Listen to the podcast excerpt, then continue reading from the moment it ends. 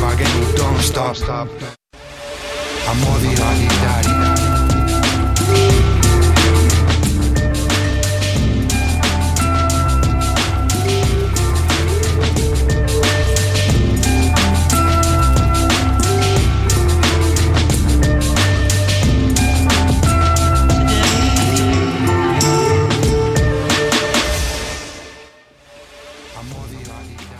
berriz ere hemen gagoz lanaen ekonomia irratzaioan, aste azkinetan, bi astero e, goizeko amarterdietan. Bilbo irian, entzun gaitzak ezue, horretaz gainere arrozazareko beste irrati desberdin batzuetan ere, ba, ordutegi desberdinarekin. Lanaren ekonomia irratzaioa, Bilbo iria, argia, hor dago eta El Salto Radioren arteko elkarlanean sortu da.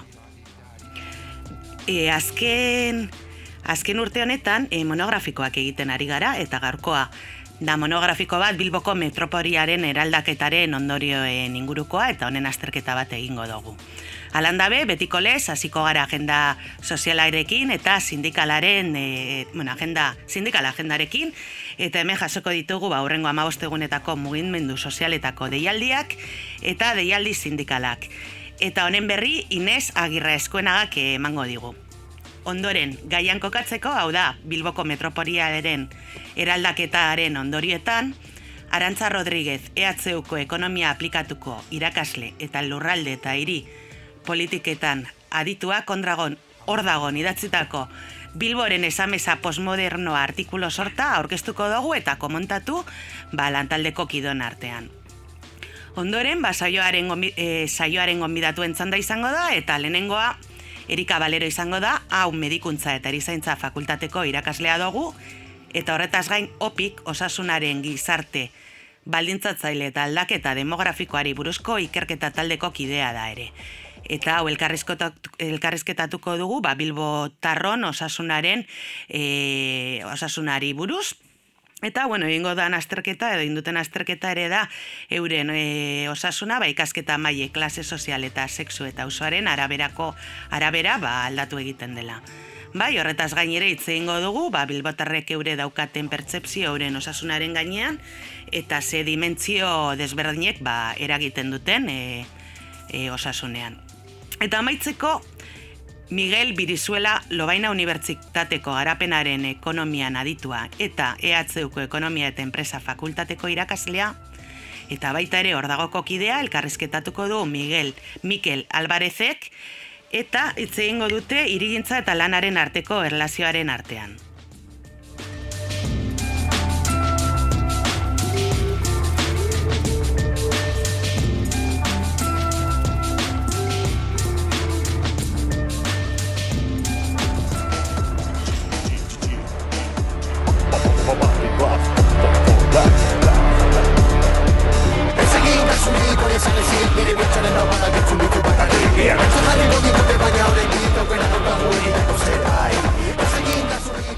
Egun on guztioi, betiko lez, hasiko gara e, sindikal agenda komentatzen, baina hasi baino lehen, gogoratzen dizuegu programara audioak bidalia aldirela, 6 lau lau, lau bederatzi bederatzi, bos bos lau telefonora. Astiroago esango dut, 6 lau lau, lau bederatzi bederatzi, bos bos lau.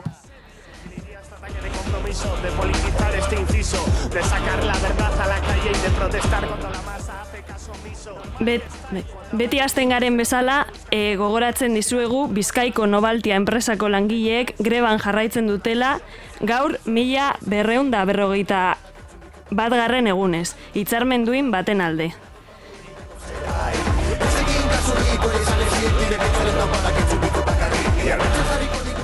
Zaratamoko eta Zeberioko vulkanizados zuloaga enpresako langileak greba mugagabean jarraitzen dute bosteun da hogeita amaikagarren egunez, hitzarmen duin baten alde.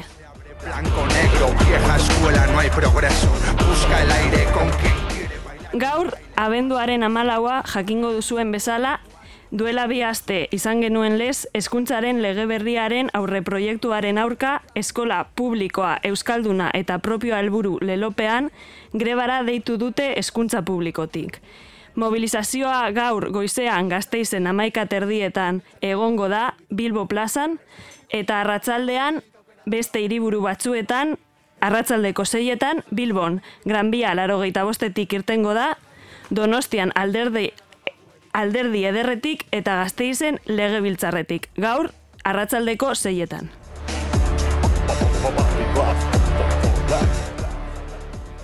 Gaurtik aurrera baita ere, abenduaren amazazpirarte osakidetzako garbitzaile azpikontratatuek greba egingo dute garapen profesionala eta negoziazio propioak lortzeko. Hainbait deialdi egongo dira amalau, amabost eta amaseilean. Gaur amaiketan Donostiako ospitalean elkarreratze egongo da, bihar abenduak amabost goizeko amaiketan Donostiako ospitalean manifestazioa egingo dute, eta abenduaren amaseilean, amabietan, gazteizko legebiltzarraren atarian kontzentrazioa egongo da. La verdad a la calle y de protestar contra la masa hace caso omiso. Normal que estáis cuando hablan en minis de normalizar Euskadi. Galdakaon, bi familia kaleratzeko arriskoan daudela salatu du Galdakaoko etxebizitza sindikatuak. Lehenengo mobilizazioa abenduaren amabostean, hau da, bihar burutuko da Galdakaon. Arratzaldeko zazpietan, Santi Bruart plazatik abiatuta. Donde se siente la boca calla cuando el político miente, el odio estalla. Mirada disidente calle. Beste greba aste bat deitu dute Bizkaiko erresidentzietan langile gehiago eskatzeko. Abenduaren amazazpitik hogeita irura da deialdia eta lagun nasazu gutxien ez bi orduz kanpaina berreskuratuko dute. Mobilizazio desberdinak egongo dira, abenduaren amazazpian lehenengoa, hau da, larun batean, bostetan, arriagatik irtengo da manifestazioa. Nire bihotxaren taupadak entzun ditu bakarrik Bihar betza jarriko digute baina orain bit Greba egon liteke gabonetan ego Euskal Herriko aireportuetan. Greba egunak abenduaren amaseia, amazazpia, hogeita bia, hogeita irua, eta urtarriaren zeia eta sortzia izango lirateke. Goizeko sortzietatik gaueko amabietar arte.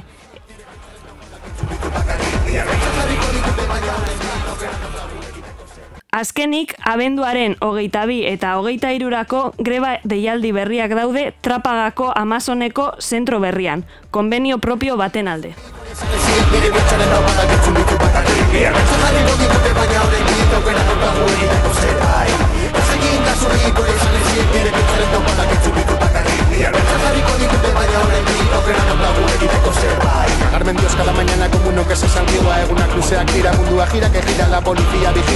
El agua para cantar Amor igualitario.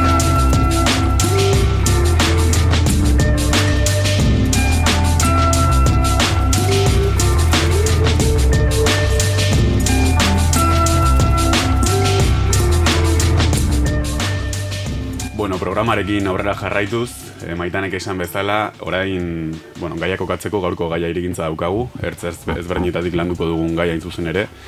Eta gaia kokatzeko esan bezala, Arantxa Rodriguezek e, hor dago idatzitako artikulu sorta izango du orain mintzagai, e, Jon Bernaten eskutik.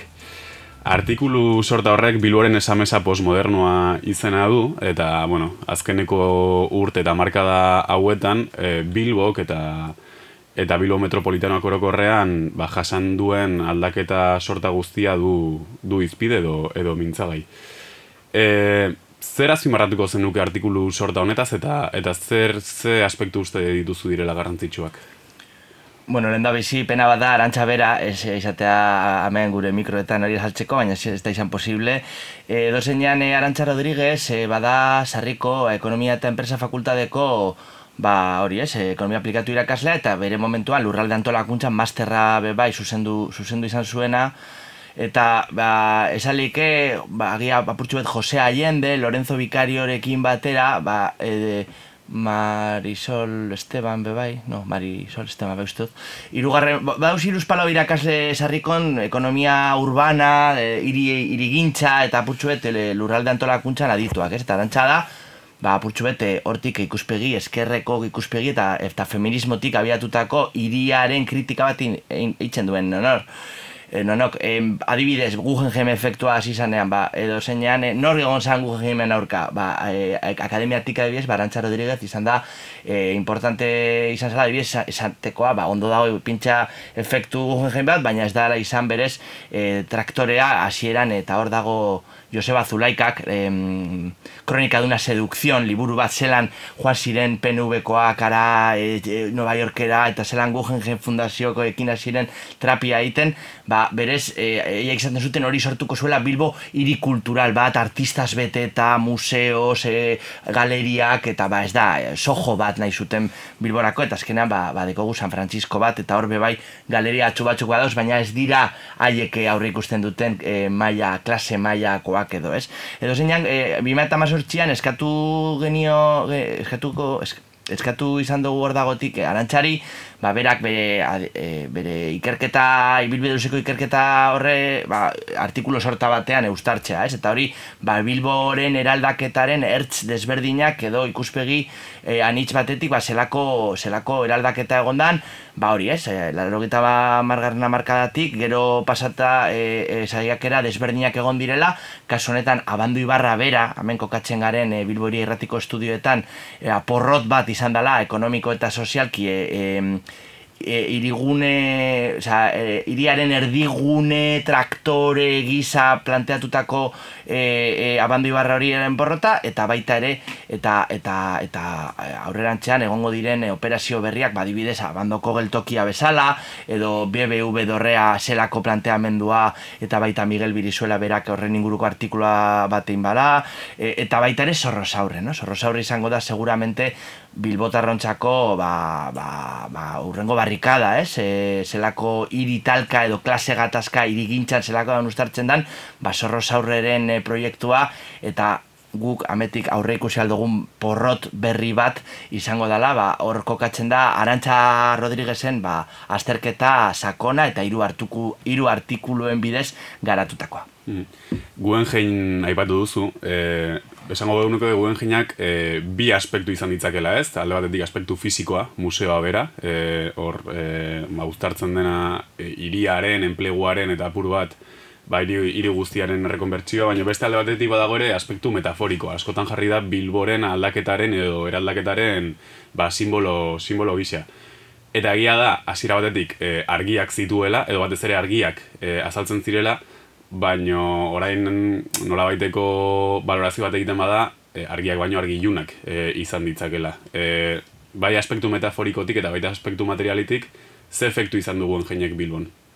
Ba, Arrantzaro dirgez berak esarritan eh, esaten deo eta munduko hainbeste eta hainbeste hiri, eraldaketa prozesuak ikertuta, kasu honetan Inglaterrako eta Frantziako beste ikertzaiekin batera, eh, Rio de Janeiro eta Abarreko, osea, badago eredu asko eta Bilbon hartu da seguramente eredu kaskarrena hiri industrial bat eh, terziarizatzeko edo berraldatzeko, ez? Eh, eh, bueno, gogoratuko dozu edo beintzete gure oroimen sozial kolektiboan dago ba, Euskalduna e, astilleruak itxi zireneko zelako La Batalla de Euskalduna pelikula mitiko hori e, eskuragai ditugu oraindik e, YouTubeen eta kasu honetan badakigu hiri industrial hori e, sortu zan horrelako ba, fabrika hori itxi zirela eta sortu zan horrelako efektu bat ba, Bilbo grisa zala, keaz bete eta eta horrein ba, hiri berri eta garbi bat etorriko zala e, hasiera batean eta Guggenheim baino harina metroaren bidez, ez? Metroa nola ez lehenengo linea mundu osoan gertatzen den bezala,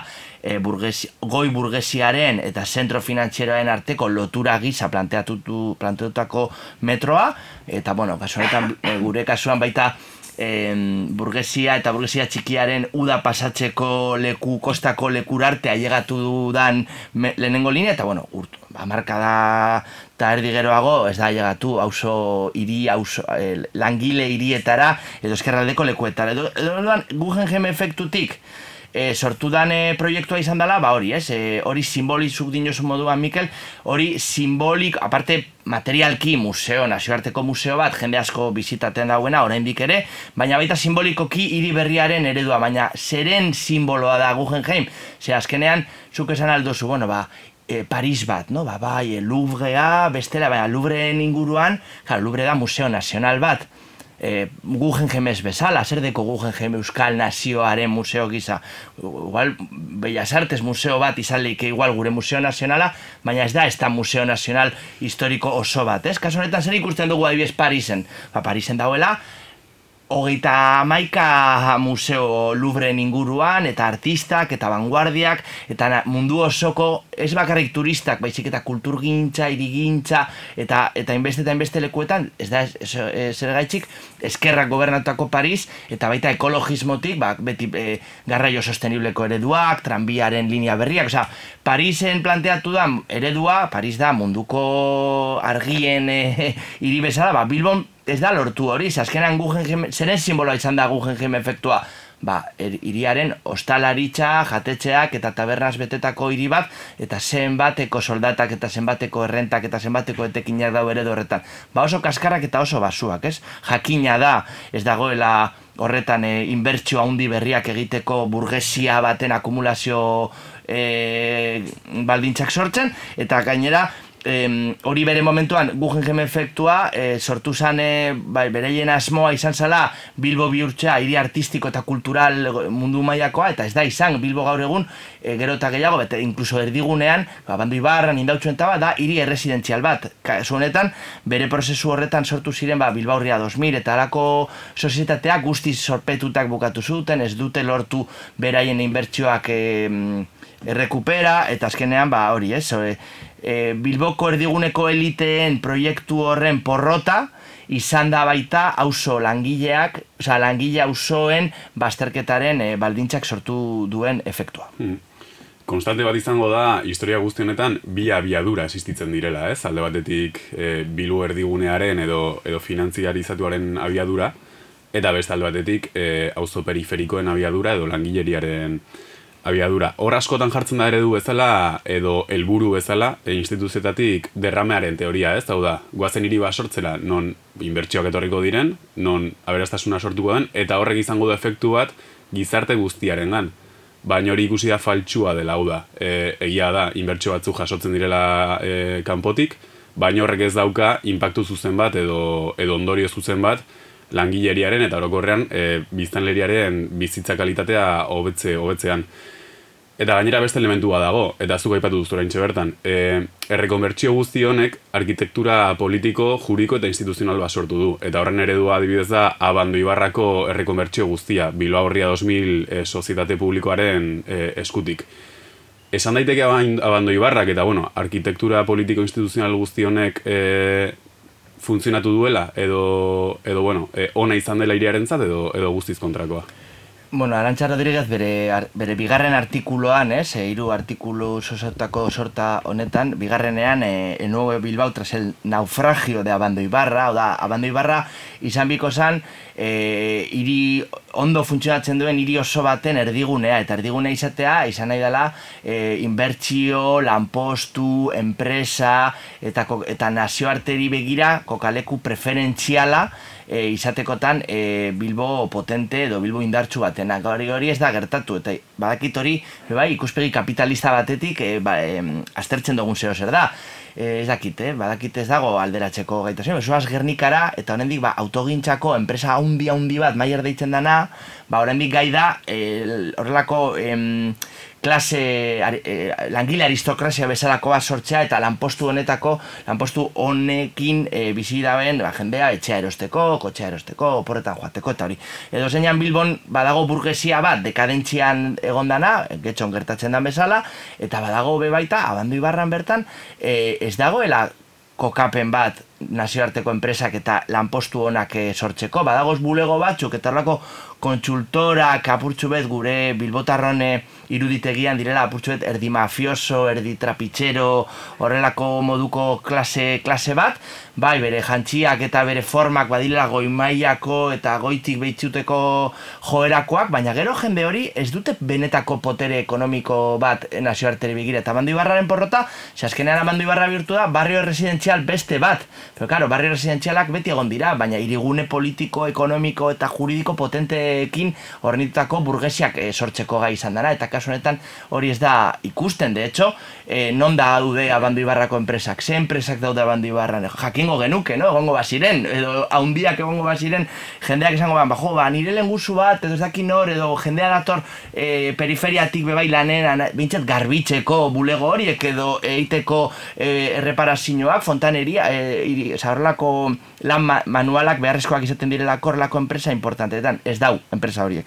E, kasu honetan, e, ezintasun bat sortu da Bilbo erregeneratzeko, Guggenheim efektua izan dela, ba, bai, azkena museo bat dagor, berrogeita amar, irurogei lanpostu eskazak sortzen dituena, gaina oso prekarioak, sarritan egoten dira grebatan, e, Guggenheim langileak, e, bekadun pilo bat, ikasle, e, gutxi pagatako ikasleak, garbitzaileak, beraiek, bebai, e, borroketan ibili dira oendela gitxirarte, eta gero, ez dira lortzen inbertsio berriak, porque incluso museo hori eta beringuruko infraazpiegiturak balioko baziren e, movimendu bat egoteko inbertsio berriak, lanpostu berriak, enpresa berriak, baina kasuanetan Bilbon dagoen e, arantzak arantza sarritan, arantzak sarritan ez duen bezala, e, Bilbon da oraindik ostalariak, merkatari pilo bat daude, oza, merkataria, merkatari da, eta ez daude ez da zerbitzu garatuak edo goi balio erantzi altuko zerbitzuak horrela e, eta ez dago ez sektore produktibo dinamiko berriak. Eta hori bada, hiri baten ezinbesteko e, bide bat, gainera gure gazteria, ez bakarrik Bilboko gazteria, ez eta Euskal Herri osoko gazteria, goi mailako ikasketak egiten dabiz, unibertsitatera doaz, Erasmus Erasmusetan, masterrak, hizkuntzak, baina, esatarako tabernatan eitzeko lan, ba, horretarako ezin da, oza, gauz, belaunaldiz belaunaldi, e, porrota horren e, berregituratxe bat egiten, eta triunfalismoz betetako elite bat, e, ez dauelako onartzen, ba, bere, bere, bai abando bai ibarra eta bai iriosoko eredu, eredua porrot egin duela aspaldin. Mhm agian abando ibarraren porrotaren aurrean azkeneko erreakzioa instituzioen aldetik izan da Bizkaia dorrearen sorrera, ez? Bizkaia dorrea bada, bueno, hemen abando konkatzen den BBV-ako, eh, BBV-ko dorre, dorre zaharra edo, edo bueno, izan dako, izan dako dorrea. Eta gainera oso ondo uztartzen dago, eta bat garren mendeko ekonomia berri horrekin, ez? Ekin zaietasuna, gazteleraz emprendedor e, deitzen dire, diren e, ba, orlako figurena, baino ez da erreakzio bakarra, ze azkenean, bueno, diagnostikoan ikusi dugu hiriak porrota egin duela, baino e, zulo berdinan sakontzen jarraitzen dugu aipatutako bizkaia dorrea, baino beste bi adibide ere baditugu e, urrengo urtetan, ez? Alde batetik e, abandoko tren geltokiaren nolabaiteko errekonbertsio guztia, hor lurperatuta joango dena, eta espazio berri basurtuko duena, hori alde batetik, Eta beste alde batetik, e, zorrotzaurreko edo deustuko herriberako ba, aldaketa urbanistiko, urbanistiko guztia. E, claro, aldaketa horiek ez dira unilateralak edo edo linealak, aldaketa horiek ere ondorio batzuk dituzte auzo periferikoetan. E, nola ikusten duzu edo arrantzak ere nola ikusten du bere artikuluetan e, abiadura, bi abiadurako bilu, bilu hau, bai etorkizunan eta bai orainaldian. Bai, eh, apurtxu eta prestatzen baitanek esan duenean eta trengeltokia zer eta hori eta egia da arantxa 2000 eta mazortziko artikulu hauetan ez dugu oraindik eta ba, jakin izan dugu hau e, abando ibarra geltoki, trengeltoki dengo zala e, baina ez dekogu valorazio bat e, adituaren partetik eta nik neuk oza, ikusten dela simbolikoki izango dana hori izango da ba, e, bilboko klase berizketa daban e, trenbide bat geldituko da eta e, ikusteke dago klase, klase borroka dela medio, ikusiko da, ze klasea irabaziko duen klase borroka hori. Tipiniko eta bide bat, em, zabalburu, zabalburu kooperazioa egin zanean, e, indautxu eta bando ibarrako burgesiak pentsatu zuen, hori izango zala, beraien e, semeala bentsako barrio residenzial berria, baina goi eta er, burgesia goi eta ertain burgesiarako apurtzu bat edapen bat, ez? Baina ez gertatu zen, gero inbertsio, akumul, e, kapitalmetak eta eta lanpostu honak sortzen ez badira horrelako regenerazio presuetan, e, egiten da da pauperizazioa. Eta azkenean, ez dakit zori txarrez edo zori honez, baina izan da alrebez, ez? E, langilea edo pobreen e, goiko partea hartu zuen zabalburu, ez? Eta gaur egun, e, hori be, gertatu leike berriro, ez dakit gertatuko bada, baina izango da abandoko parte bat proletarizatuko dana, edo San Francisco eta Cortesen parte bat e, aburgesiatuko dana. Hori ikusteke dago, eta ze- zeran, bal, ze, ze, ze, zeran, ezin dugu jakin zela izango da, baina baldintza nagusia izango da ekonomikoa.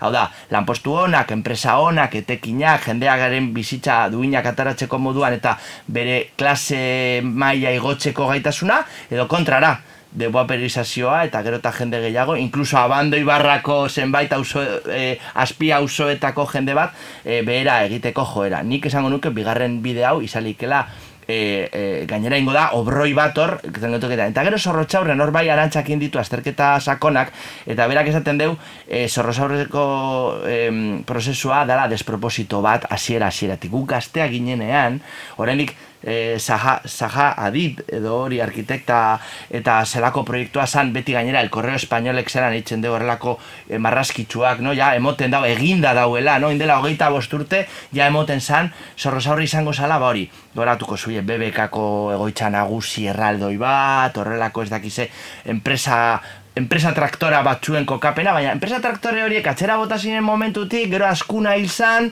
eta gero bak gertatu zen, ba, azkenean, geratu da, barrio, langile, bar, auzo betikoa, hor geratu da, eta eskerrak, eta hor, e, politikoki bef baldintza batzuk egon dira, kasu honetan Patxi Lopezen gobernuan, esan zutelako, bueno, a ber, hau, hau espejismo hutsa hau, hau ezin, ez da, ez da bidera garez, ez dago no jarri dirua hau auzo berrizteko, eta izan, nahiko, bueno, bintxet, txukuna edo mo, muebleak salbatzeko moduko ba, zuap eta fabrika batzuk eta kultura eta artearen behintzet inbertsio basuko baina nahiko duinak izan diren behintzet bitarteko edo mientras tantoko alternatiba bat sortu direla, ez da? Eta e, edo zeinan, oin berrio dato, zorrotxaurre zeran dio ausolkarteak, e, zorrotxaurre ez da Manhattan, ez? E, hori da apurtxu bet beti eukin dugun irudia, zorrotxaurre izango dara, gure Manhattan berria, hor egongo dala, ez ja Bilboko e, burgesito ja dekadente batzu, baina eske nazioarte mailako burgesia kokatuko dugu bere bura zorrozaurren, eta hori, osea, eske hori da guztiz eh,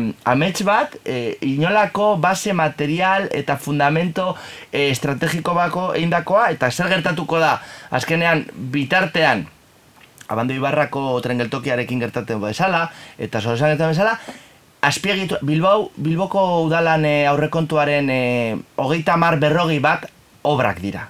Osea, Bilbo, gainera Bilbo da aurrekontu guztiz e, haunditu, osea, oso Puztua, bai. gaindimensionatuta dago, ze e, Bizkaiko udal guztien diru banaketaren uneko berrogeia Bilborako da. Biztaleriaren uneko, uneko hogei bategaz, edo uneko amabos bategaz. Hori Bilbotar eliteak esaten du, no? Eske Bilbo Bizkaitar guztien iria da, baina, klaro, bitartean, mungian, ah, por cierto, asko sobeto doa mungia, edo Gernika batean, ez daude, horrelako inbertsio handiak, ze azpiegitura eta e, inbertsio guztiak publikoak direnak, Bilbon konzentratzen dira, baina ez dira kontzentraten Bilbon auzo, sauzo beharrezkoak diren, ba, polikiroldegiak, edo e, zentru, e, osasun zentruak, edo gertuko zerbitzu iritarrentzako, ez, kontzentraten dana, beraien espejismo horretan, edo beraien esamesa horretan, egoten dan horlako erdigune berriak, eta bando ibarraren porrota eta gero, oin zorrozaurri izango da. Eta zautuko dituzte milioika eta milioika eta milioika e, inbertsio publikoen diruak, zertarako. Ba, azkenean, erresidentzia berriko eta dekadentea dan e, burgesia, Bilboko burgesi baterako, ba bai, etxe berriak, apurtxoe politak, apurtxoe berriak, baina base material ekonomiko e, sendo bat e, faltan dagoen proiektua da zorrozaurrekoa. Ze enpresa handia gongo da zorrozaurren. Garaian behintzetzen, BBKko egoitza nagusia, hori BPNV-en e, gidaritxapean dagoen gaur egun kutsabank, baina eski ja ez dago hori. Torre handi bat, e, enpresa handi bat, e, Iberdolako dorrea be bai, publikoa e, hasi zan egiten, eta azkena oparitu zan e, Iberdolara ez geratzeko zulo handi bat, amar urte egon zulo hori e, zer egin barik, orain BBVA, BBVen dorrearekin bardin geratu da. Osa, rementeria jaunak, orain jubilaten da eskerrak, e, erosi zuela etorre hori BBV-eri kriston transferentzia publikotik pribatura eginez, eta orain bai, ez dakize industria moreak, eta beraien pajeoak, ez, de, ez deko inolako gaitasun estrategikorik, zoritxarrez, e, e, hiri hau aurrera atarateko. Ez dugu hitz egin e, dimentsio lokalak eta nazerteko dimentsioak duen uztarketaren inguruan eta eta gai honetan klabea da, baina bueno, urrengorako utziko dugu agian. E, eskerrik asko Jon Bernat, arantxaren artikuluen horrelako sintesi bat egitagatik eta bueno, programarekin aurrera jarraituko dugu.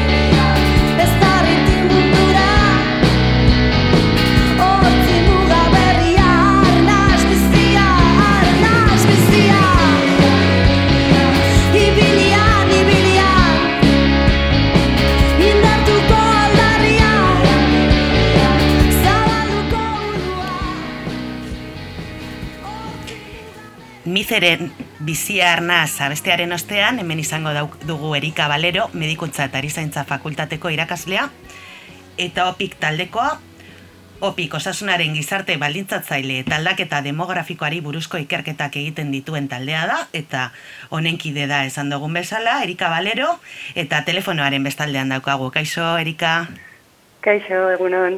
Bai, eta bueno, orain honetan egingo diguna da ba, azterketa bat Bilbotarron osasunaren inguruan, e, azterketan ere baitan hartuko da kontuan bai, e, Bilbotarren ikasketa maila, klase soziala, sexua eta usuaren araberako osasun maila ere, eta horretaz gain ere, ba, Bilbotarrek edo Bilbotarrok geuk daukagun gure osasunaren pertsepzioaren pertsepzioan ba dimentsio desberdinek eragiten eragiten dutenaz ba hitz egiteko e, ba elkarrezketatuko dugu Erika Balera.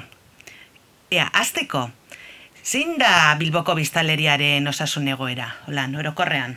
Zer esango Bai, zenuke? ba, bueno, bai, nik esango nuke orokorrean ba, Bilboko biztanlen osasun egoera nahiko ona dela? Eh? Azkenean, adierazle batzuk kontuan izaten baditugu, ba, adibidez, e, bizitzaropena, ba, ikus dezakegu gizonen bizitzaropena laurogei urte ingu- ingurukoa dela, eta emakumeena e, laurogei eta urte baino handiagoa, ez?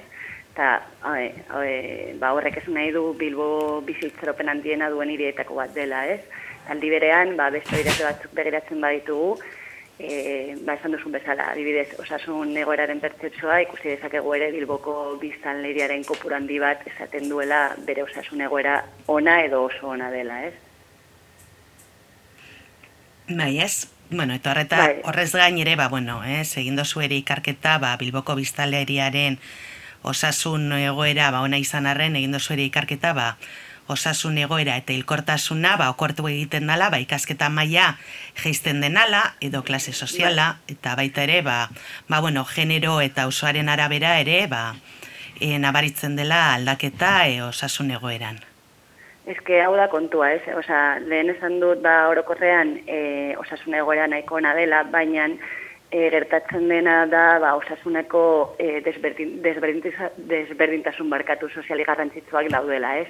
Eta zentzu honetan ba, oso garrantzitsua da kontuan izatea ba, gure osasuna ez dagoela kalitatezko osasun sistema baten mende bakarri, baizik eta ere ba, gure bizi baldintzekin, ez? Eta hau, eh, esan nahi du, esan duzun bezala, ba, gure ekonomiko maila, gure klase soziala, gure generoa, gure etxe bizitzaren baldintzan eta bar, ba, e, eragin handia daukatela gure osasunean, ez? Eta zenbat e, eta okerragoa izan gure klase soziala edo oro har gure bizi baldintzan orduan eta okerragoa izango da ere gure osasun e, egoera. Ze Azkenean, ba, gure aukerak osasun e, egoera on bat izateko faktor e, sozial hauekin oso lotutak daude, ez? Ta, eta bueno, guk e, ikusi genuena da, ba, Bilbon adibidez, e, indautzu edo, e, edo abando bezalako auzoetan osasun egoera hobea zen beste auzo baino, ez? E, adibidez, San, San Francisco edo Otzarkoagan baino, eh? Eta ez, hau eske ez da kasualitatea, ze azkenean e, badakigu e, indautzu edo abando, ba, Bilboko auzoen artean maila sozioekonomiko- hobeak dituztenak direla, ez? Así que, así que hori, o sea, uste dugu azkenean oso garrantzitsua dela, ba, kontuan izatea faktore sozial eh, hauek eh, eragin handia daukate, daukatela gure osasun egoeran, ez? Bai, eta, bueno, horretaz gain ere egin dozue azterketa, ba, bilbotarrek eh, daukagun pertzepzioari buruz, ba, geure osasunaren inguruan, eta ze behar izan daukagun horretan, ez? Eta zazpi dimentziotan labor, labor bildu dozue. E, kontatu aldi guzua por bat honi buruz. Bai, bai, bueno, eh, kontekstualizateko pizkat esango dut eh, alde batetik egin genuela eh, diagnostiko kuantitatibo bat, baina bestalde ere egin genuen nolabait eh, parte hartze prozesu bat, ez? Eh, ba, biztanleen ikuspuntuak ere jasotzeko eh, ba, osasunari begira, ez? Eta, bueno, esan duzun bezala, zazpi dimentsio laburdu, laburbildu ziren, E, bueno, mm, lehena, lehena infrastruktura fizikoarekin lotuta zegoen, ez? Zehazki, bai kanpoko eta bai etxe bizitzen barruko oztopo fizikoekin, ez? Ta, ta, bueno, ere adibidez, e, auzo altuetan e, irigunena iristeko zeltasunak zituztela azaldu ziguten biztanleek, ez? E, bueno, bigarren puntu bat izan zen, ba, gehiagizko urbanizazioa eta berdegunerik eza. Azkenean, ba, batez ere e, auzo batzuetan, ba, e, parkeak edo azkenean berdeguneak e, oso gutxiak edo murriztutak zeunden, ez?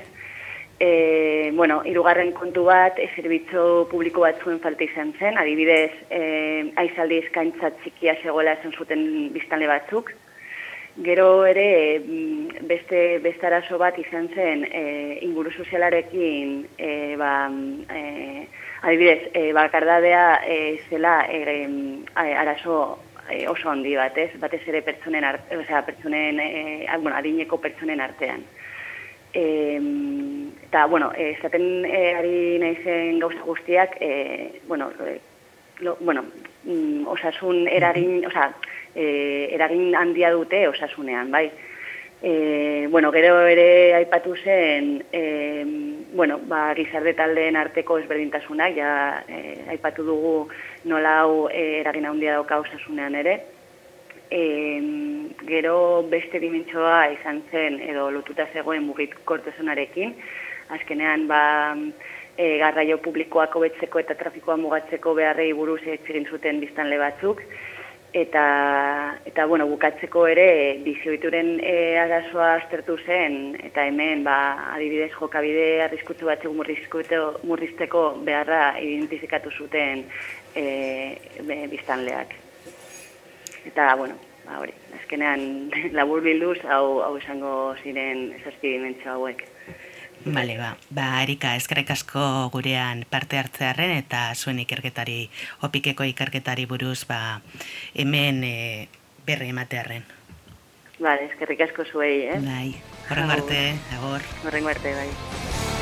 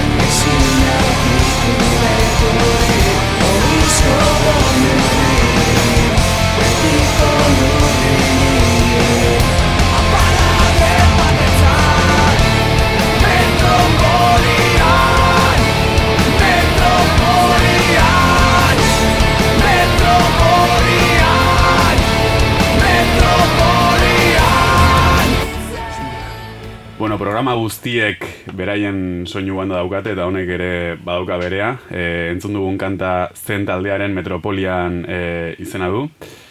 Eta programarekin amaitzeko Miguel Birizuela daukagu telefonaren beste aldean. Kaixo Miguel? Kaixo, egunon. Bueno, Miguel Birizuela, ezagutzen ez duzu nontzat, e, lo, Lobaina Unibertsitateko garapen ekonomian e, aditua da, EHUko ekonomia eta peresa fakultateko irakaslea, eta hor, dagoko kidea ere bai, orduan, bueno, gure proiektuaren partaidea zentzu, zentzu batean. Eta berak, bueno, e, irigintzaren eta enpleguaren artean egon daiteken e, edo, edo dagoen harremanen inguruan e, itzeingo digu.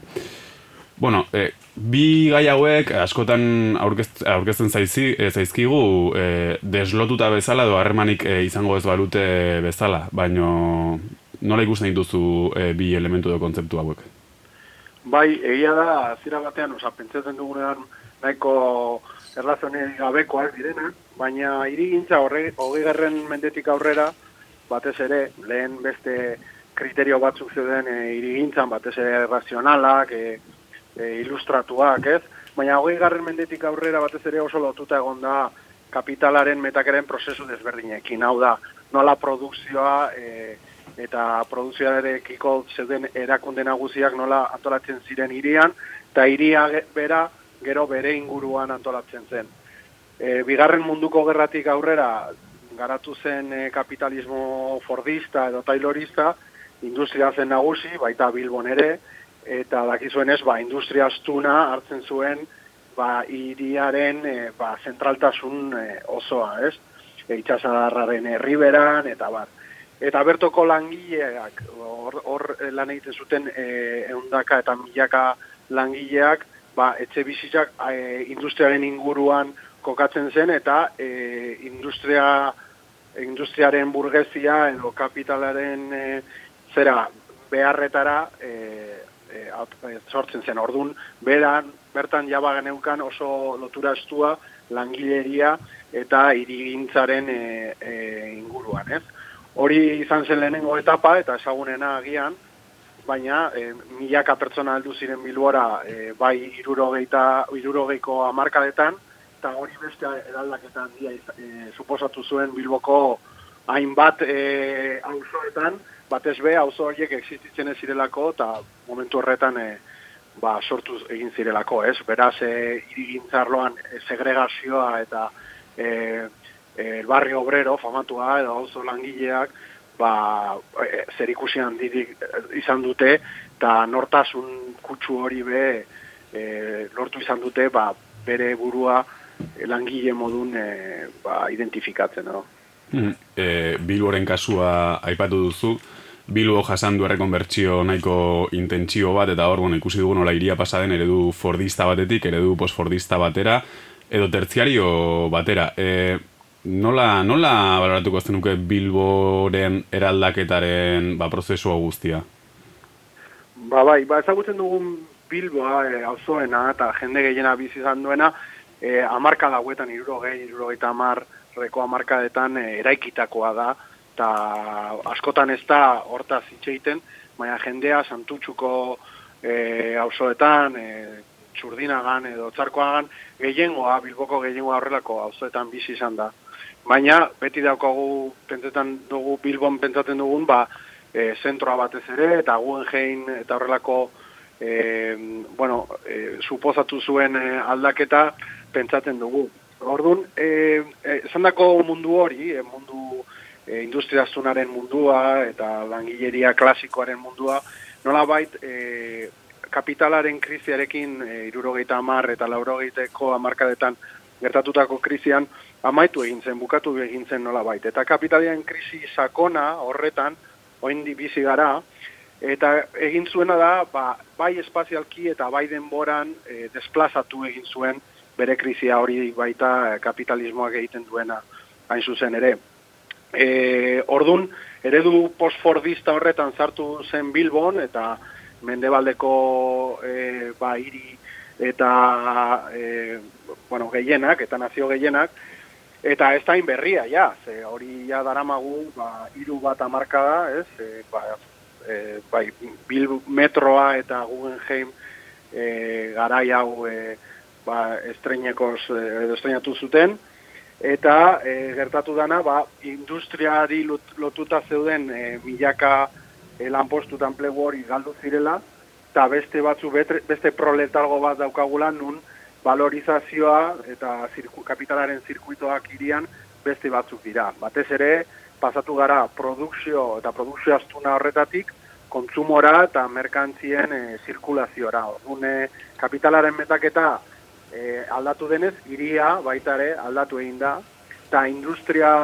pisutsu astun hori zeuden lekuetan, ba, irigintza izan da nagusi, alde batetik valorizazio eta metaketa hori ahalbidatzeko, eta bestetik hiriaren e, ba, aldaketa hori ahalbidatzeko eta valorizazio ba, turismoaren inguruan, finantzen inguruan, lortu alizateko. Nere ustetan, saiakera hori izan, e, Bilbo globala, Bilbo modernoa eta bar, baina ez da ondo atera. Ondo atera da, zentzu batean, ze aldatu da erabat iria eta turistak heltzen dira eta bar, baina e, zerbitzu e, aurreratu, servicios avanzados horien e, diskurtsoa, e, azkenan izan da irigintza eta espekulazioa nagusi, eta azpiegiturare, azpiegituran e, oinarritu egin den e, askunde ekonomikoa, eta ez e, ba, servicios avanzados ura. Osa, finantza aldetik, Bilbon gainberan, gainbera ar- argi izan du,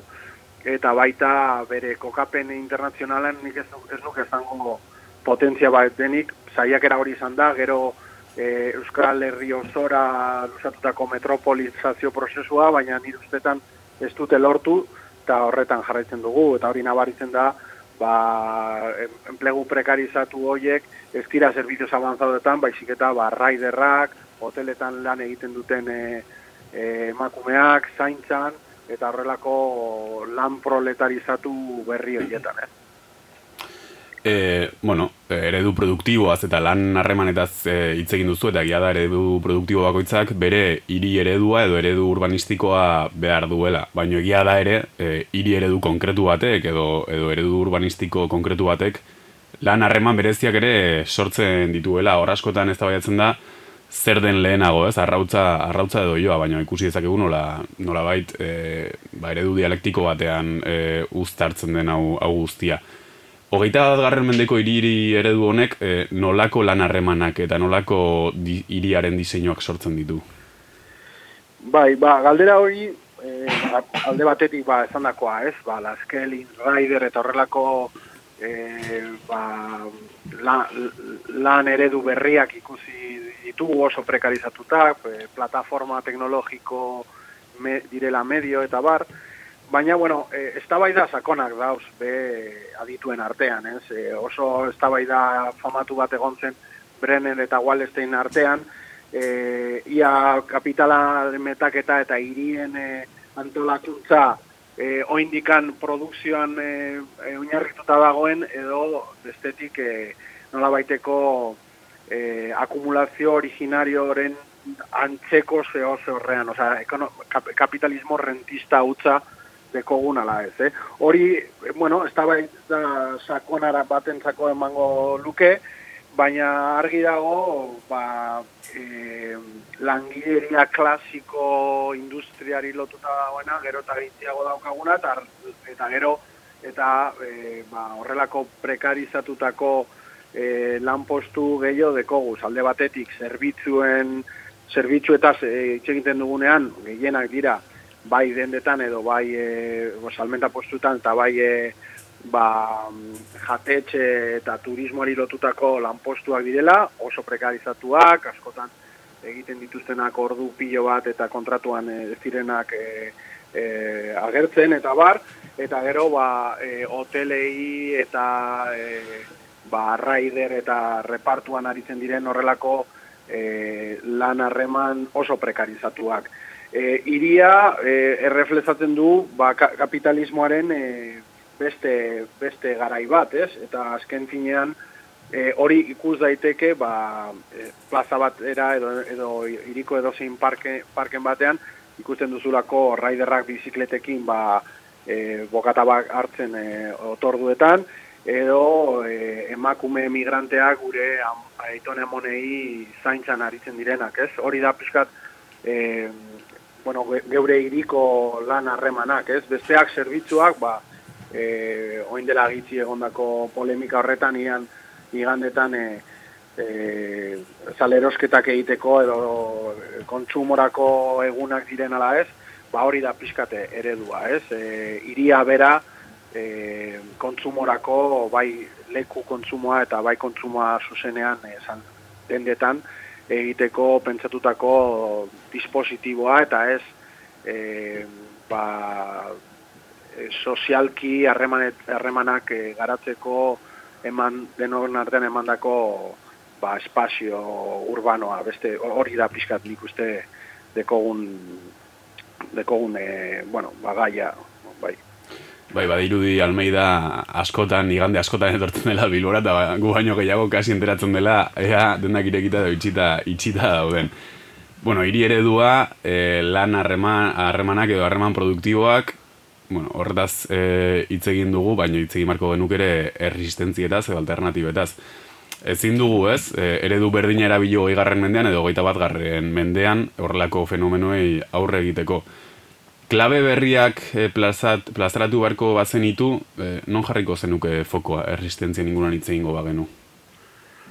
Ba, alde batetik eta produkzioa edo lan esparruan e, gero eta produkzio txikiago dagoenez, ba, e, e, e, aitortu, oza, ezandako lan esparru horietan, oza, raiderrak eta kelins eta zaintza lanetan dabiltzatenak, e, azkenengo urteetan ja Euskal Herri mailan izan dira ba, ez, lan esparruan e, ba, borrokan aritu direnak, eta hori horrela izan behar, eta nik uste geure indarrak eta sindikatuen indarrak haien atzean egon beharko lirateke e, aldi berean e, paperi gabeko langileekin be e, aliantza sortu beharko genituzke, hori niretzat oso garrantzitsua da produkzio eta lan esparruan. Eta gero, gero eta garrantzitsuak izango dira nire ustetan, e, erreprodukzioa, deitzen den e, hori, e, eta ez hainbeste lan esparru klasikoetan, baizik eta erreprodukzioarekiko dekogun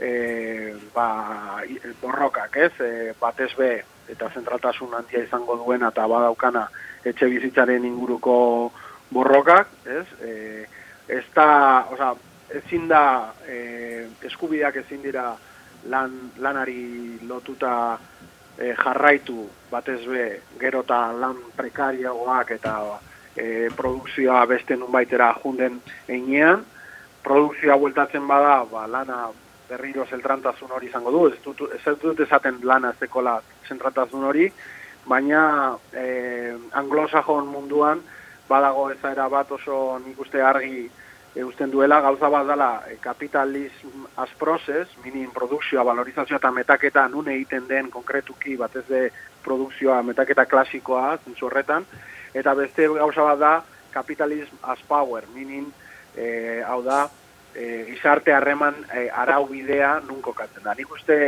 galdu dugula e, importan, parte importante bat e, e, lehenengoaz, osea, kapitalizaz process, produkzioa eta valorizazioa bigarren zirkuitotan sartu da, hau da, irigintza, infrastruktura eta bar, eta baina jarraitzen du eta gogorki eta gero eta gogorrago neoliberalismo dela eta e, capitalism as power minin, e, hau da, gizarte harreman e, araubidea eta e, geure e, bueno, e, lana eta baliabideen arteko separazio artifizial hori, ez?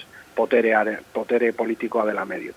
Eta nik uste, ba, hori, e, bai lanpostu prekario horietan e, on behar garela haiekin geure ba, hausokidekin e, jotazu, eta gero bestetik erreprodukzio arloan, bai zaintza, bai etxe bizitza, bai mugimendu feminista planteatutako e, alorretan, ba, be, indarra egin barko dugu, e, ba, zentsu horretan iria berreskuratu alizateko. Ba, punte horiekin emango diogu amaiera elkarrezketari, e, eskerrik asko Miguel Birizuela gurekin izateagatik eta espero dugu urrengo programetan ere zurekin kontatzea. Eskerrik asko. Eskerrik asko zuei, hau Agur. neure etxea da baitare, así que... eskerrik asko, agur.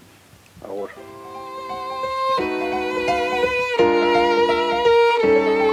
Bilen borda Bilbaon, Bilbaon, Bilbaon. Honena zen kontinente osoan Dolar baten truke Gozo dantzan. Edo muturka borroka zoroan Sartu ote zinen sekula batzoki hartan Ez dut uste aspertuko zinenikan Han aurkian putzu bat brandi Pisterdian belarra handi Gorri zabaian nire targi Eta musika. Ura bai musika. Beti zen jarritako dirura. I jo Jozak doinu zaharrura.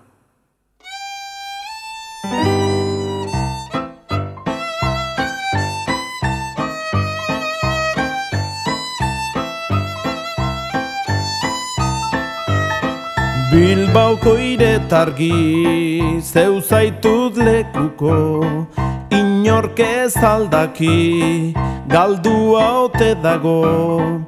Bilbaoko iretargi zeu zaitut lekuko Inork ez aldaki galdua ote dago Zuetzinen arazalde uraxe zen baina.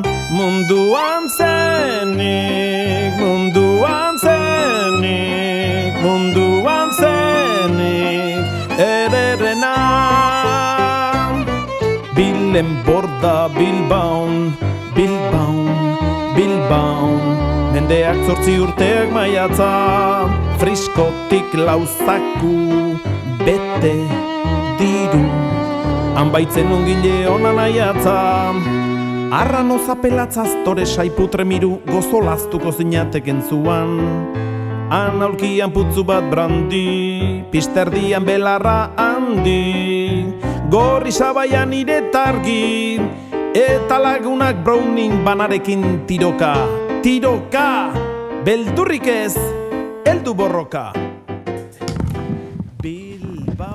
Bueno, ba, Bilba, Bilbaoko iretargia Joseba Tapiaren abestearen gainean egingo dugu orain agurra. Beti bezala, ba, eskerrik asko e, Bilbo iriako e, argiako eta El Salto hor dagoko e, kolaboratzailei gaurkoan eskerrik asko Arantza Rodríguez, Erika Valero eta Miguel Birizuelari baita e, mandoetan Ibon Burgoa eta Ane Zabalari. Eta bueno, e, eskerrik asko ere entzule guztiei. Nik uste gaurko saioan asko ikasi dugula e, Bilbon e, azken urte hauetan ba egon diren aldaketak eta eta bueno em, gogoratzea ere, e, ja gabonak datozenez, e, ba, datorren urtera arte ez dugula saiorik izango, beraz, ba, urte berri on ere, eta datorren urtean izango gara, seguruenik gai monografiko gehiagorekin. Eta musika hau zarata, hau durrunda. E jo, jozak doinu zaharrura. Bilbaoko iretargi Zeu zaitut lekuko nik maite nuela. Ara, hause da letra. Barkaidazue, aspaldiko kantua data. Bilbaoko iretargi Iretargi xahar, iretargi gorri. Zuetzinen arazalde uraxe zen baina Munduan zenik